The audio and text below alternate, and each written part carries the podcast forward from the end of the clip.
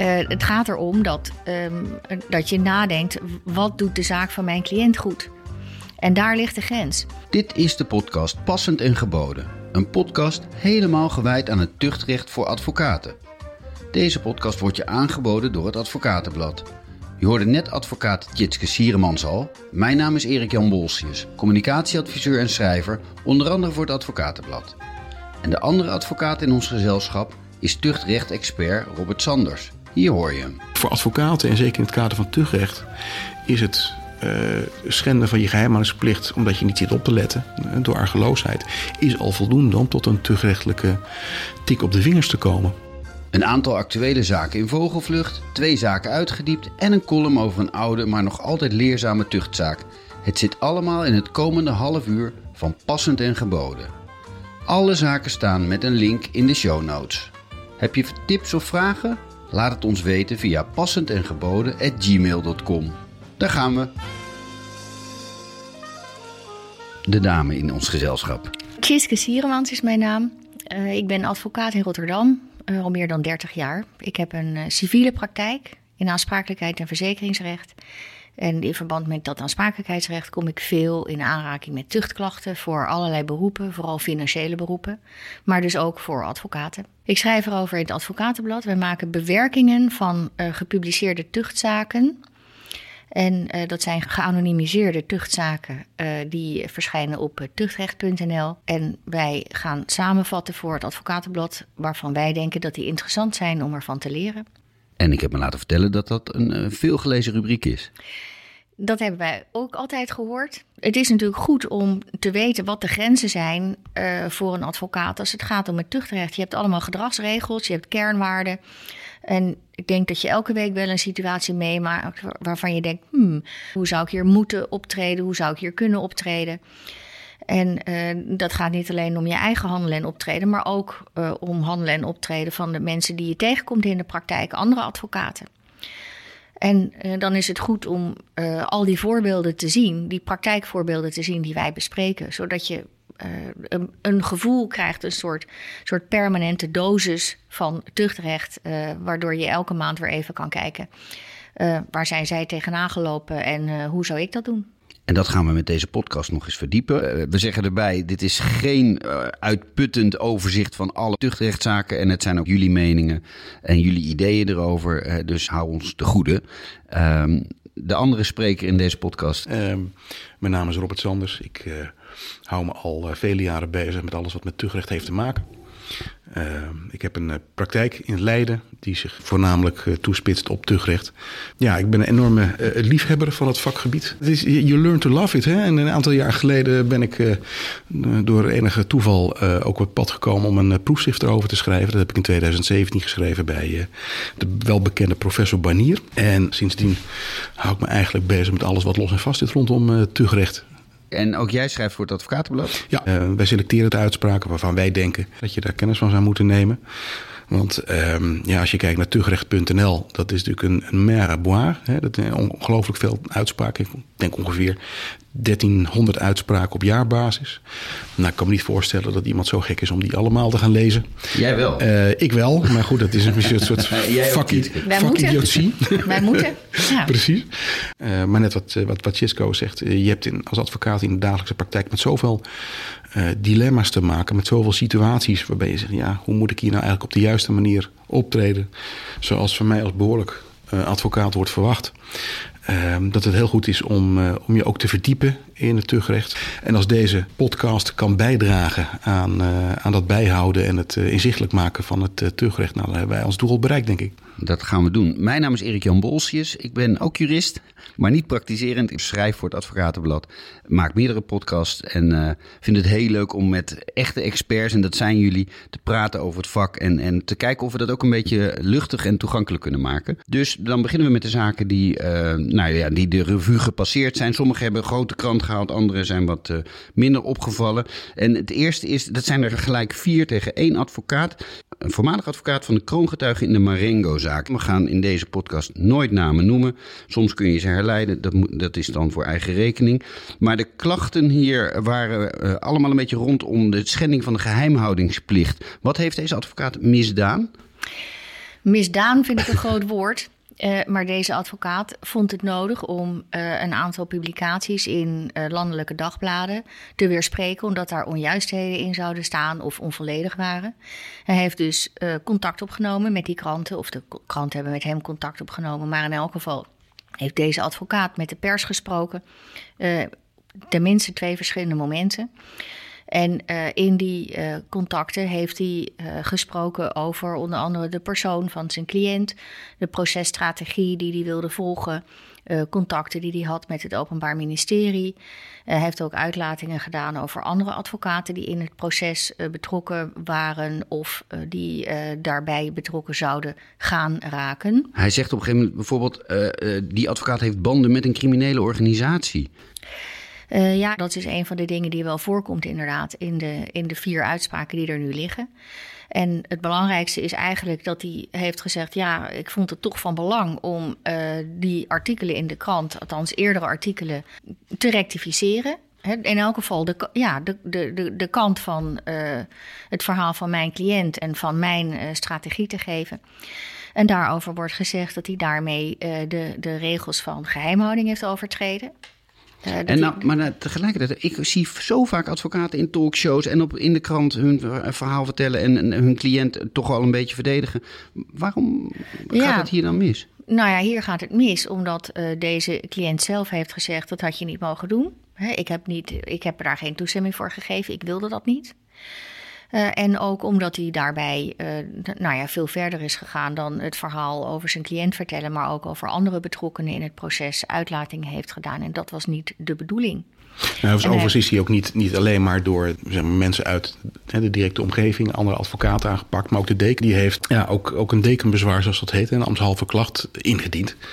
Uh, omdat hij vond dat deze advocaat uh, door het schenden van zijn geheimhoudingsplicht ja, ook de, de integriteit met voeten was getreden. Nou, en dat heeft het Hof van Discipline dus inderdaad beloond met een schrapping. Schrapping, hè? Ja, schrapping ja. van tableau. nou was deze advocaat al geen advocaat meer, dus zo'n schrapping heeft dan ook niet heel, heel direct effect. Hè, maar het is toch meer een, een hele duidelijk signaal van het Hof van dit, dit zit in de zwaarste categorie van onaanvaardbaar handelen van een advocaat. En dan nog even, waar ligt dan die grens? Nou, de grens ligt denk ik bij uh, ten eerste de toestemming van je cliënt. Ja. He, en uh, als advocaat moet je dan ook heel goed afwegen: is datgene wat ik ga zeggen, is dat ook in het belang van de zaak van mijn cliënt? En dan wordt er ook nog gezegd, nou, dat heb jij denk ik beter eh, voor ogen, uh, Robert. Maar er wordt ook gezegd dat. Um, als je uh, denkt dat je echt een belang te dienen hebt uh, en in, in, in gewetensnood komt, kun je nog met de deken spreken. Ja, nou ja, dit is bijna is het een soort vuistregel geworden die het Hof heeft geformuleerd. Hè? Dat je dus niet eigenlijk op eigen houtje moet beslissen. Maar als je echt voor een situatie komt te staan waarbij je een afweging moet maken of je over zeer fundamentele geheimhoudingsplicht. Hè? Want dit, dit is in feite een van de, de, de kernelementen van, van het zijn van advocaat. Uh, de, de, geheimhouding en vertrouwelijkheid betrachten. Als je daar denkt van te moeten afwijken, omdat je door een hogere plicht uh, tot die keuze wordt gedwongen. Nou ja, dan zegt het Hof, dan, dan moet je eigenlijk gewoon met de deken overleggen. En dan, voordat je naar buiten voordat je, voordat je naar buiten treedt. Ja. En dan heb je ook een, een, een, een, gerechtvaardigd belang om naar buiten te komen. En wat wel opvallend is, is dat, dat het Hof hier ook um, heeft laten meewegen. Dat zal misschien niet het allerbelangrijkste zijn geweest, maar dat, dat deze uitlatingen hebben plaatsgevonden in het kader van een uh, maatschappelijk belangwekkende en gevoelige strafzaak. Dus ook de maatschappelijke context waarin die uitlatingen zijn gedaan, die heeft het Hof hierin mee laten wegen. Um, dus daar moet je echt, echt, echt heel goed voor opletten. Dus als je op tv komt, ja, wat Jessica ook zegt, dan moet je in ieder geval uh, ervan uitgaan dat je toestemming hebt van je cliënt. Maar toestemming is niet genoeg. Je moet zelf ook nog een afweging maken. Uh, en als je soms, twijfelt, ga je naar de deken. En als je twijfelt, ga je naar de deken. En, en, en je moet er natuurlijk heel, heel zorgvuldig mee zijn. Ja. Dat je opzettelijk je, je geheimhoudingsplicht schenden, dat is al een strafbaar feit. Hè? Maar voor advocaten, en zeker in het kader van tuchtrecht, is het uh, schenden van je geheimhoudingsplicht, omdat je niet zit op te letten, door argeloosheid, is al voldoende om tot een tuchtrechtelijke tik op de vingers te komen. En in dit geval geschrapt, ook al was hij al uh, gestopt als advocaat. Uh, maar dat betekent ook dat hij niet meer terugkomt als advocaat. Want ja, dat is, de, dat is de reden dat schrappingen worden opgelegd aan uh, advocaten die de praktijk al uh, aan de, hebben verlaten. Ja. En dan wordt altijd gezegd, ja, we gaan toch door met deze zaak. We leggen een schrapping op, want hiermee kunnen we voorkomen dat hij zich later weer opnieuw inschrijft. Ja. Nou, moet, moet er wel een nuancering bij maken. Hè? Je kunt natuurlijk altijd als advocaat een nieuw verzoek tot inschrijving doen. Hè? Dat, ja, maar dat zal minder makkelijk gaan dat, dan wanneer... Precies, ja, dat recht kan je niet worden ontnomen. Je kunt dat verzoek doen, maar dan kan de raad bij het beoordelen van gaan we dit naar de rechtbank doorzenden, wel de afweging maken van ja, maar dit is een advocaat die is geschrapt. Je hebt toch een klein beetje een verklaring van niet zo heel goed ja, gedrag. En, en, en, en zijn er, zijn er uh, aanwijzingen om aan te nemen dat, dat hij of zij uh, het leven gebeterd heeft, uh, zodat het ja, die, die, die inschrijving na zoveel jaar toch weer kan plaatsvinden. Ja, Maar dat is een afweging die de Raad dan per geval moet maken. Uh, maar het is niet zo, dat misschien wel goed om dat misverstand even weg te nemen. Als je van tableau bent geschrapt, is het niet zo dat je nooit meer kunt terugkomen. Ja, nee, dat is duidelijk. Oké, dat uh, korte zaak toch wat langer. Nog even een kleine aanvulling hoor. Want, uh, Klein, nee, over, over, als je het hebt over advocaten die graag op tv of, of anders in de media verschijnen. In, in de oudere versies van de, van de gedragsregels, daar heb ik het over jaren 60, hè, was er nog een regel dat je alleen maar in de media mocht komen als advocaat met toestemming van de deken. Ja. Nou, misschien moet ik die regel maar weer eens van stal halen. Dat zou misschien niet onverstandig zijn. Ja, vind jij dat ook? Het was in de tijd, dat, nou, dat was ook in de tijd dat je als advocaat geen reclame mocht maken. Ja. Dan mocht je nog net je logo op je deur uh, spijkeren en dat was het wel, hè? Ja, dat is de, tijd van de dienstbaarheid. Dat we ook onze brieven afsloten met uw dienstwillige of uw dienstvaardige. Dat zie je ook nog maar heel weinig. Ja, terwijl je dat toch nog steeds moet zijn. Je bent dienstbaar. Je, je, je, ja, het gaat niet om jou. Ja, dat Klopt. is eigenlijk waarom. Dus in, in, die zin ben ik het er ook wel mee eens. Maar ik denk dat het uh, onmogelijk is om uh, als advocaat niet in de media te komen. Er is natuurlijk veel meer mediabelangstelling voor zaken. Uh, er wordt uh, uh, vanaf de publieke tribune en door de pers tijdens zittingen getwitterd, ja, ge gecommuniceerd. Dus ik denk dat het heel lastig is om er echt uit te blijven. maar die, die terughoudendheid en nadenken over het belang van de zaak van je cliënt, ja, dat is natuurlijk volkomen terecht. Maar dat is nog steeds ook een harde regel. Dat blijkt uit deze zaak. Dat leren we hier dus van dat je terughoudend bent in wat je allemaal naar buiten gooit. Ja. Eh, dan wel op Twitter, dan wel op TikTok, dan wel in alle. Dan wel in de landelijke dagbladen. En, ja. ja. nou ja, in ieder geval dat het aanbeveling verdient om je geheimhoudingsplicht uh, zeer serieus te nemen. Ja. Laten we dat er even van maken. Nog een paar korte. Uh, advocaat van ex-vrouw bericht makelaar dat ex-man straat- en contactverbod heeft. Zo stond het in de briefing van Tjitske. Uh, ik lees dat even letterlijk voor, omdat ik hem niet uit mijn hoofd ken, die zaak. Tjitske, kun jij de feiten heel kort benoemen? Want we gaan hem echt in anderhalve minuut doen. Ja, dit is een, een, een, een stel wat uit elkaar is gegaan. En de ex-man heeft een straat- en contactverbod gekregen. En uh, die uh, heeft wel het recht om de voormalige echtelijke woning te verkopen. Die vraagt de makelaar om dat te gaan doen. En de makelaar eist toegang tot de woning en eist sleutels uh, van de vrouw. En de vrouw laat haar advocaat het woord doen. En die advocaat zegt: U presenteert zich nu als makelaar van het stel. Maar dat is niet zo. U bent makelaar van de man. En de man vraagt nu een gezamenlijke bespreking in de woning. Die vraagt toegang tot de woning, terwijl die dat niet mag. Want hij heeft een straat- en contactverbod. Ja. ja. En dan komt de klacht, uh, namelijk of uh, die advocaat dat zo had op straat had mogen gooien, dat deze man een straat- en contactverbod had. En uh, nou, daarvan is dan dus de afweging die de Raad van Discipline in dit geval maakt. In februari was dat van dit jaar. Nou, waarbij de raad zegt, ja, uh, deze advocaat dient de belangen van de vrouw. En de vrouw uh, moet beschermd worden. Er is niet voor niks een straat- en contactverbod opgelegd. En uh, dus had deze advocaat dat toen ze zag wat er allemaal aan de hand was en wat er ging gebeuren. Ook deze, dit bericht mogen geven. Ja, dus die advocaat makelaar. mag aan de makelaar vertellen: Goh, uw deze cliënt heeft een straat- en contactverbod. Mag, en die mag kritisch zijn op datgene wat de makelaar allemaal eist ja. aan medewerking van de vrouw. Ook al is er het recht om die woning te verkopen. En de klacht tegen de advocaat was: hij had het niet mogen, of zij had het niet mogen vertellen aan die uh, makelaar. Nou, er was iets meer aan de hand, maar het ging over de manier waarop uh, die advocaat van de vrouw was opgetreden. Maar uh, onder andere ook dat er dat straat- en contactverbod was genoemd. En ja, dat, dat mag dus in dit geval, was dat doelmatig. Nou, misschien is het ook nog wel even aardig om aan te vullen dat, dat dit een voorzittersbeslissing was. Um, voorzittersbeslissingen zijn voor advocaten gewoon goed nieuws. Hè, als je een klacht aan de broek hebt. Want dat betekent dat de zaak eigenlijk zo glashelder uh, ongegrond is. Dat de voorzitter daar zonder zitting uh, ja, komaf mee kan maken. Dus die verklaart dan de klachten kennelijk ongegrond. En um, ja, dan is, dan is de zaak ook klaar. Tenminste, je zou denken, nou dan is de zaak afgewezen. En dan, dan, dan is de, de advocaat verder niet meer uh, terugrechtelijk aan te spreken. Maar er is altijd nog een mogelijkheid van verzet.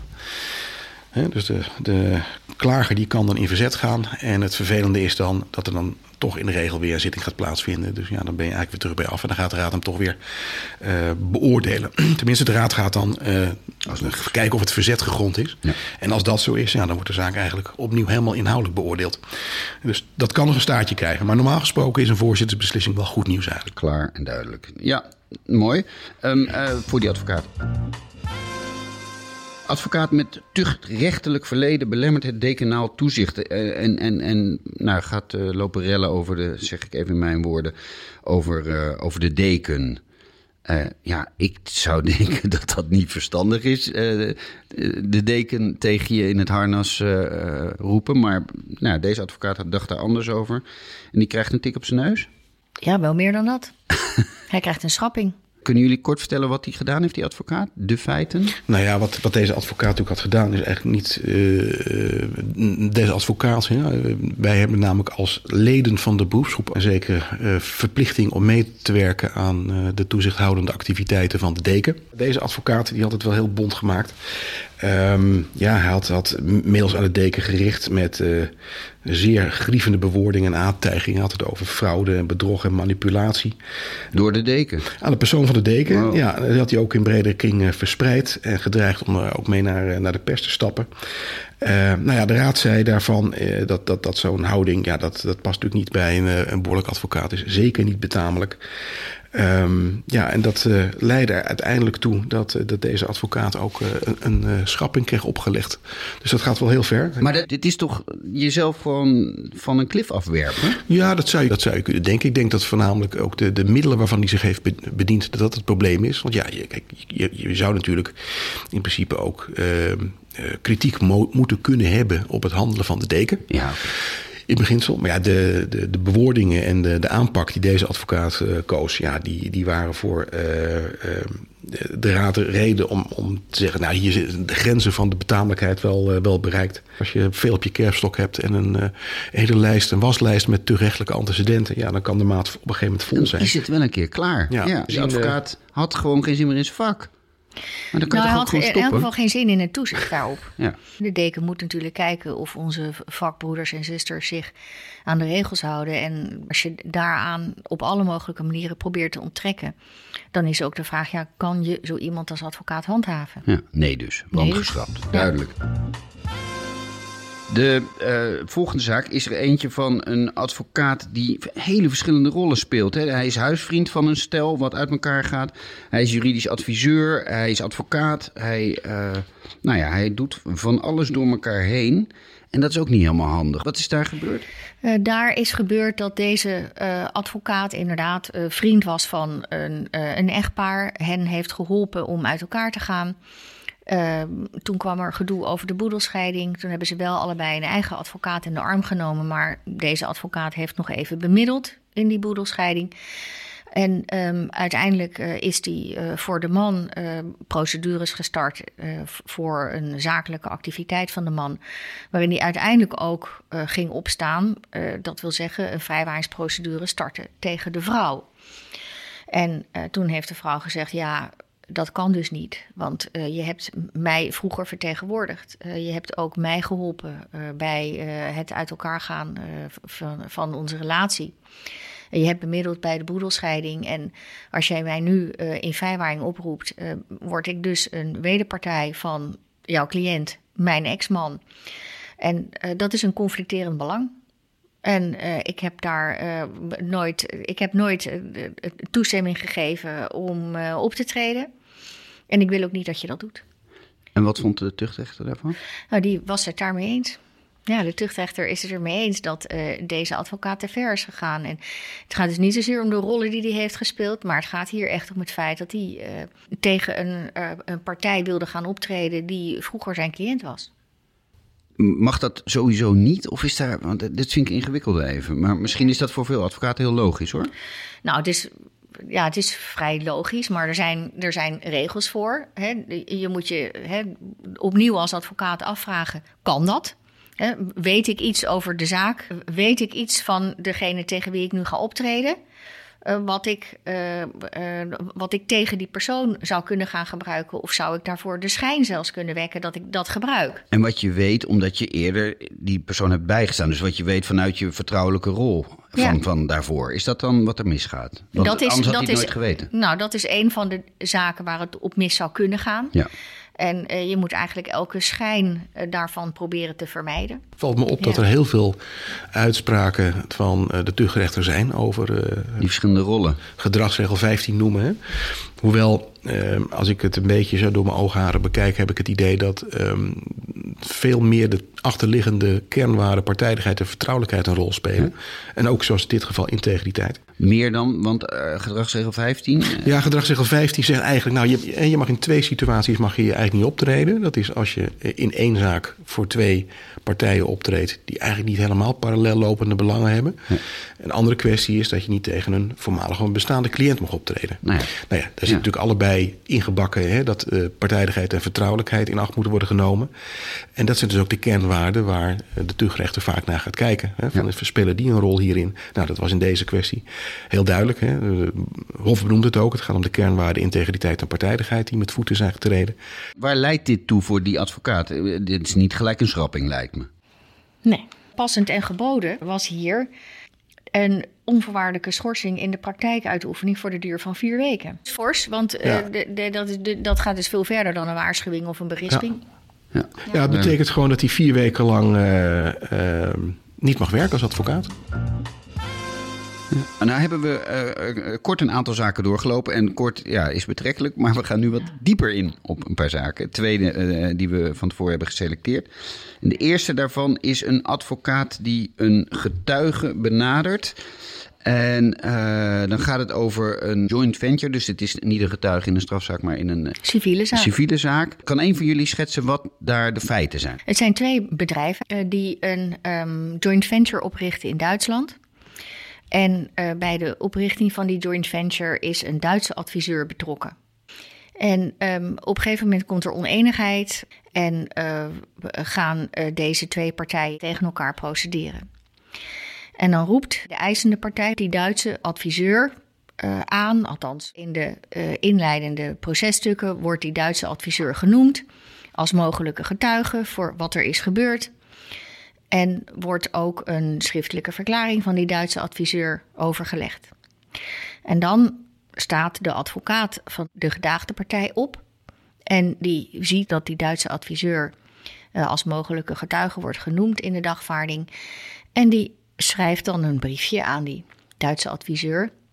Waarin hij kort en goed zegt: hey, u was ooit de adviseur van mijn cliënt. En uh, dan zegt die advocaat letterlijk dat het buitengewoon bedenkelijk is dat uh, die adviseur in de procedure uitdrukkelijk partij kiest voor een van de vennoten. En dat hij ook nog een verklaring aflegt die haak staat op de werkelijkheid. En dan wordt als uitsmijter toegevoegd dat dat wel eens tot aansprakelijkheid tegenover zijn cliënt zou kunnen leiden. En dat hij dus aansprakelijk wordt gesteld voor het optreden voor het geval dat schade toebrengt. Dus als die getuigt en dat leidt tot schade, dan ja. hangt er wat ja. boven zijn hoofd. Ja. Dat zegt hij eigenlijk. Dat zegt hij, ja. Wow. Ik dacht nog, wat is, wat is van tevoren van, wat is nou het probleem? Je kan toch wel gewoon een getuige een mailtje sturen? Ja, het probleem is hier dat je zodra je weet of vermoedt dat uh, iemand als getuige kan gaan optreden in een zaak, dan mag je die niet ongeoorloofd beïnvloeden. En dat betekent dus dat je uh, geen druk mag uitoefenen op een potentiële getuige of op een, een getuige, uh, die, uh, waardoor die getuige nou, mogelijk dingen anders zal verklaren of misschien dingen weglaat of misschien helemaal niet wil komen. Ingewikkeld, want wat is ongeoorloofd beïnvloeden? Ja, dat moet zich nog uitkristalliseren. Deze, deze regel is, is betrekkelijk nieuw in de gedragsregels. En uh, dat betekent dus dat uh, we de, de lijntjes uh, nog moeten gaan zien ontstaan. En moeten kijken wanneer kleuren de advocaten binnen en wanneer kleuren ze buiten de lijntjes. Als het gaat om uh, het benaderen, contact hebben met getuigen. Hier was het buiten de lijntjes, hè, uiteindelijk? Ja, dit was buiten de lijntjes, ja. Ja, ja, dit, ja. ja nee, dat, ja. dit, dit, dit, dit vond, vond het Hof echt onaanvaardbaar. Het heel fijn is dat het Hof natuurlijk inderdaad ook even wat uitleg heeft gegeven... en heeft verwezen naar die oude gedragsregel. Uh, want daar stond dus wel een, een absoluut contactverbod in. Hè? Dus je mocht een aangezegde of kennelijk aan te zeggen getuigen... ja, die mocht je gewoon niet benaderen. Nou, dan is het heel simpel, dan kun je hem ook niet beïnvloeden. Dat mag nu wel... De gedachte is ook geweest bij het wijzigen van die gedragsregel. Hè, dat je natuurlijk ook te maken hebt met, met procesrechtelijke beginselen als equality of arms. Je moet zorgen dat er niet een soort disbalans ontstaat tussen wat de ene en de andere partij met de getuigen zou mogen doen. Dus dat, dat uh, contactverbod is opgegeven. Maar uh, ja, dat betekent wel dat er nu een soort zorgvuldigheidsnorm bestaat uh, in de omgang met uh, getuigen. Het is wel opvallend, hè, dat, dat zei uh, inderdaad ook al. Van, beïnvloeding is op zichzelf uh, nog geen reden om te zeggen: ja, je, je hebt niet juist gehandeld. Maar ongeoorloofde beïnvloeding. En, en, wat, en wat, wat is dat dan? Dit is moeilijk, hè? want een getuige kan ook iemand zijn van, uh, van het bedrijf wat jij vertegenwoordigt. Ja. Een werknemer of een ex-werknemer. Het kan ook, zoals in dit geval zijn, een betaalde adviseur van de partij die jij vertegenwoordigt. En um, nou, dan, daar mag je dus wel contact mee hebben. Maar je ziet al dat jouw wederpartij, die is zo geheid geweest om uh, die persoon al uh, als getuige in de dagvaarding te noemen, een schriftelijke verklaring over te leggen. En jij denkt, nou, dat gaat hard, want uh, wat hebben zij dan met die getuige besproken dat hij tot deze verklaring is gekomen en dat hij kennelijk bereid is om op te treden? Terwijl jij weet dat jouw cliënt ook een adviesrelatie heeft gehad met die getuige en rekeningen heeft betaald en, en ja, dus ik begrijp wel dat dit, dit, dit zijn lastige situaties. En ik denk dat we nog heel veel uitspraken kunnen verwachten op dit punt. Omdat, um, juist omdat het ook getuigen kunnen zijn die heel dicht bij jouw eigen cliënt kunnen staan. Um, kan het zijn dat je uh, een keer met ze hebt gesproken omdat ze bij de zaak betrokken zijn, omdat ze erin gewerkt hebben. Het kan zijn dat het getuigen zijn die, die, die, die opdrachten hebben gehad of die, uh, die zaken hebben gedaan die met jouw cliënt te maken hebben gehad. En die jouw cliënt ook goed kent.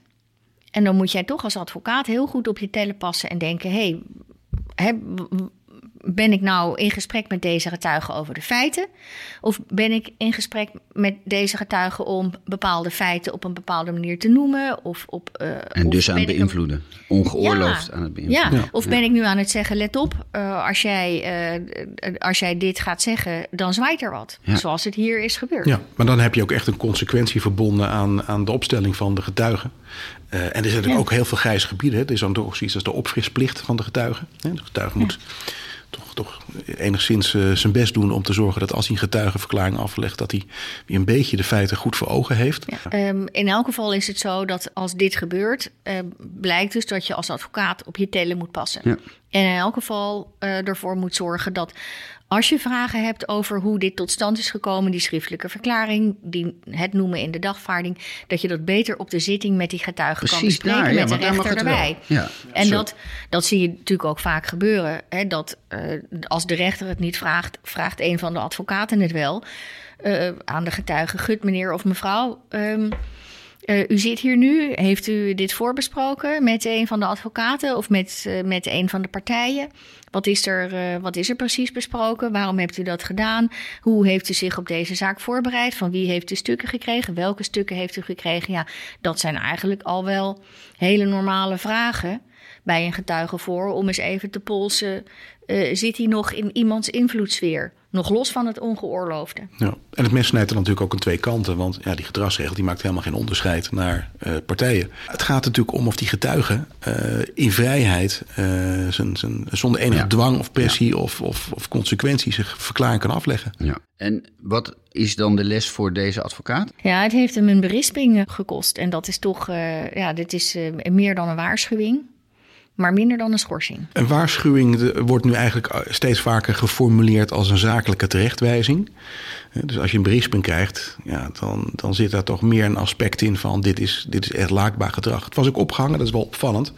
Niet zozeer aan, uiteindelijk aan eh, gedragsregel eh, 22, hè, de regel over omgang met getuigen, maar de kernwaarde integriteit. Dus dit was eigenlijk niet in tegenhandelen van deze advocaat door op deze manier op te treden. En daar is hij uiteindelijk voor op de vingers getikt. En de regel is tegenwoordig: kernwaarde is berisping. Kernwaarde schenden Ja. is berisping. Ja. Duidelijk. De laatste zaak die we eh, wat uitgebreider wilden bespreken is die van een advocaat die een opdracht heeft neergelegd. eh, nog voordat hij eigenlijk goed en wel begonnen was. Wat heeft hij gedaan, die advocaat?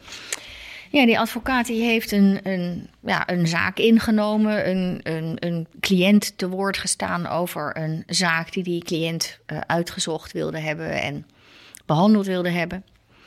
En het was een zaak waarvoor eh, deze cliënt in aanmerking kwam voor gefinancierde rechtshulp. Dus er is een toevoeging aangevraagd door de advocaat en die heeft de advocaat ook gekregen. Weet, weet je waar die zaak over ging of maakt dat eigenlijk helemaal niet uit voor deze? Ehm, ja, het, het, het, verbaasde me enigszins dat er een toevoeging was. Want het ging om een vordering van door de klager aangekochte obliga- obligaties met hypothecaire zekerheid. Maar nou, het, het is dus een, een, een, een, een, een financieel probleem, laat ik het zo zeggen. Ehm, en ehm, eh, wat het precies is, weten we niet. Want eh, het blijkt dus dat eh, toen deze advocaat dacht te gaan beginnen met het, met het be- beoordelen en behandelen van deze zaak. was hij al één of meerdere keren door deze cliënt benaderd op een manier die de advocaat lastig vond. En ehm, op een gegeven moment heeft de advocaat dus vrij snel ingegrepen en gezegd: Beste cliënt, alles goed en aardig, maar ik denk niet dat ik met deze zaak doorga. Want, ehm, nou, hè, zoals hij heeft gezegd, ik heb simpelweg geen tijd om allerlei randzaken te moeten oppakken. Dat heeft hij letterlijk geschreven. En eh, ook aangekondigd. eh, eh, ja, ik, ik, zie, ik heb geen vertrouwen in een vruchtbare relatie. En ik heb een sterk vermoeden dat wij in onmin zullen raken. Wauw, vooraf al. Dus Ja, snel. Nou ja, Ja. vrij snel nadat, nadat hij dus een eerste blik op de zaak had geworpen en de cliënt te woord had gestaan. En toen heeft de advocaat gezegd: Nou ja, ik heb u wel een, een, een opdrachtbevestiging gestuurd, maar die heeft u nog niet getekend. Dus in feite ben ik nog niet met de opdracht begonnen. Ik heb er ook eigenlijk nog vrijwel niets aan gedaan, behalve een korte blik op de zaken. En ik heb u eh, een keer gesproken. Ik heb de toevoeging aangevraagd, maar daar hoef ik niet op te declareren omdat ik nog niet met de behandeling van de zaak ben gestart. Eh, Dus ik stel vast dat wij geen opdracht hebben, dat ik deze zaak niet ga behandelen en ik stuur de toevoeging terug. Nou, gebeurt dat vaak? Doen jullie dat wel eens? Nou ja, dat kan, dat kan natuurlijk voorkomen. Het kan ook voorkomen dat er gaandeweg de, de, de uitvoering van de opdracht een vertrouwensbreuk ontstaat. Ja, maar hier eigenlijk al bijna maar hier was, intuïtie. nou ja, het grappige is Ja, ook dat dit was ook weer een snel. voorzittersbeslissing. Dan weet je alweer Ja. hoe laat het is. Hè, Kennelijk ongegrond. Ehm, en eh, opvallend is wel dat de voorzitter de, de conclusie trok. En dat is, dat, dat is opvallend omdat dat een civielrechtelijke beoordeling is en niet zozeer een tuchtrechtelijke. Dat er een overeenkomst hè, van opdracht in dit geval tot stand was gekomen. Wel. Wel, ja. Dus, dus ondanks het feit dat eh, ja, het erop leek van... Hè, we Ja. zijn in het Was beginstadium en er is nog geen getekende opdrachtbevestiging. Nee, zegt de voorzitter, er is hier sprake van een overeenkomst. Eh, hè, dus deze klager is wel formeel cliënt geweest. Oké. En dan is het niet zozeer een kwestie van... ik, ik begin er niet aan, maar ik geef de opdracht terug. Ja. want die- hij was in feite al in gang, eh, in gang geschoten. Ehm, en dan is vervolgens de vraag, dat, dat noemen wij dan in de praktijk... eh, eh, eh, is er sprake van ontijdig onttrekken of niet? Ehm, nou, hij heeft zich eh, volgens het oordeel van de Raad op zorgvuldige wijze teruggetrokken. Er waren geen fatale termijnen waar hij rekening mee moest houden. En uh, klaar had door die onttrekking ook geen schade geleden. Precies, Dus hij heeft het niet moeilijker gemaakt gedaan. dan, uh, Nee. dan nodig Nee, voor die nee, cliënt. hij heeft geen declaratie gekregen, er is niet op de toevoeging gedeclareerd. Eh, deze cliënt heeft er eigenlijk geen schade van ondervonden.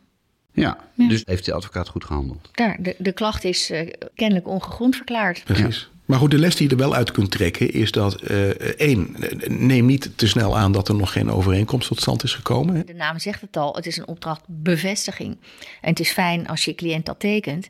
Maar het feit dat jij bevestigt dat er een opdracht is, zou als de cliënt niks doet, voldoende moeten zijn. Ja, dat blijkt Precies. dus ook. Ja, nou, en Ja. het tweede punt wat we hieruit kunnen halen is dat, dat als je je besluit om je terug te trekken, omdat je constateert dat er sprake is van een eh, vertrouwensbreuk, dan moet je dat natuurlijk wel heel zorgvuldig doen en niet eh, alles uit je handen laten vallen, maar gewoon netjes de zaak af, afhandelen. Eh, soms is het wel lastig, hè, want eh, ja, soms kunnen er termijnen spelen waarmee je wel rekening moet houden. En, en dan kun je, ja, kun je zelf wel een dilemma manoeuvreren natuurlijk. Ja. Maar ik denk dat de manier waarop het hier is gegaan, denk ik, het sprak mij toch wel aan dat die cliënt zich eh eh, kennelijk zo opstelt dat die ad- advocaat er geen gemakkelijk gevoel bij krijgt.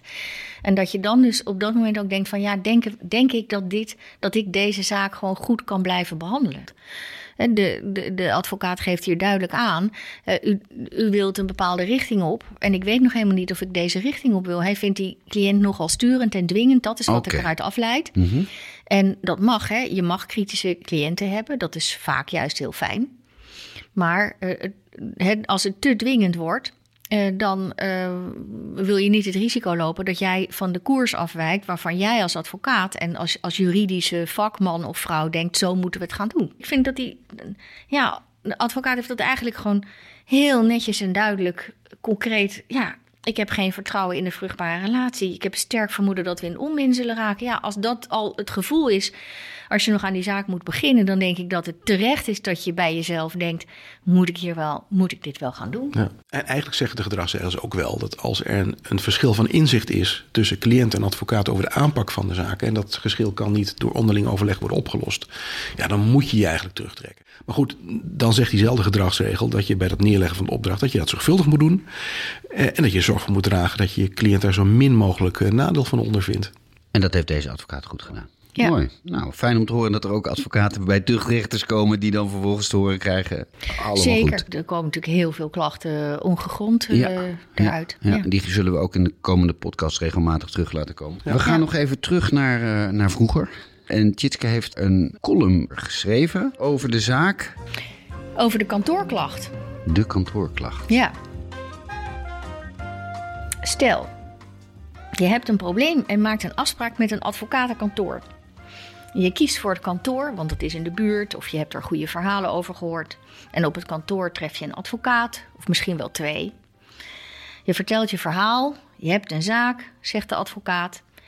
Eerst nog even de opdrachtbevestiging, die komt van het kantoor en die teken je.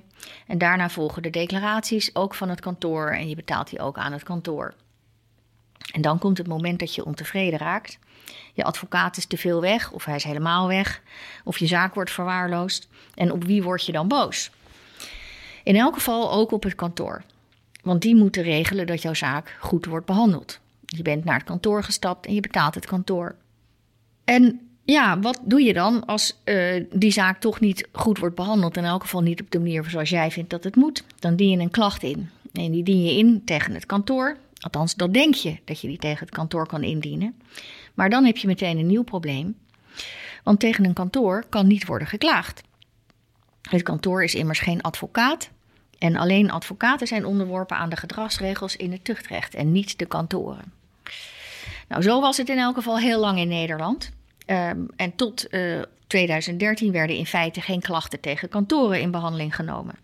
Wel klachten tegen de behandelend advocaat of de advocaat die eigenlijk had moeten behandelen, maar niet tegen het kantoor. Dat heette dan niet ontvankelijk.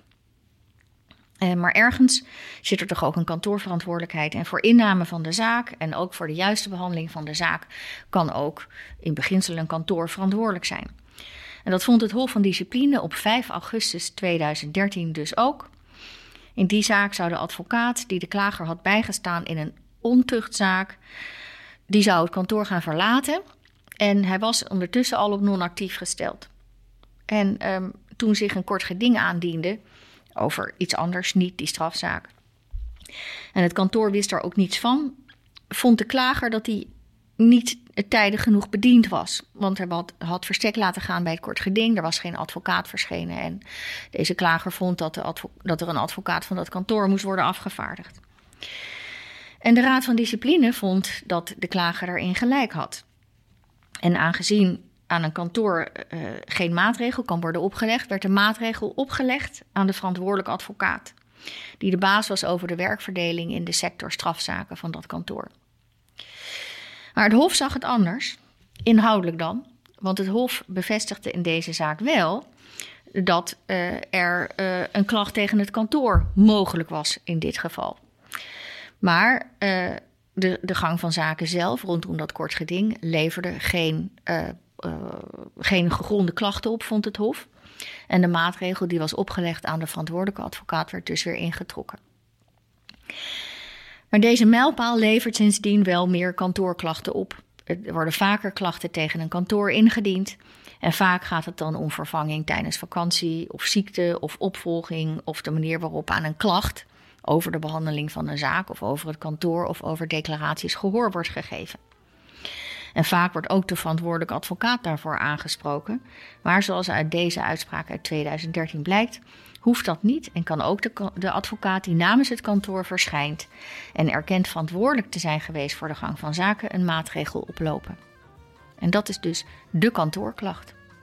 Dank voor het luisteren naar deze podcast Passend en Geboden. We weten nu beter wat er passend en geboden is uh, als uh, in de uitoefening van je beroep als advocaat.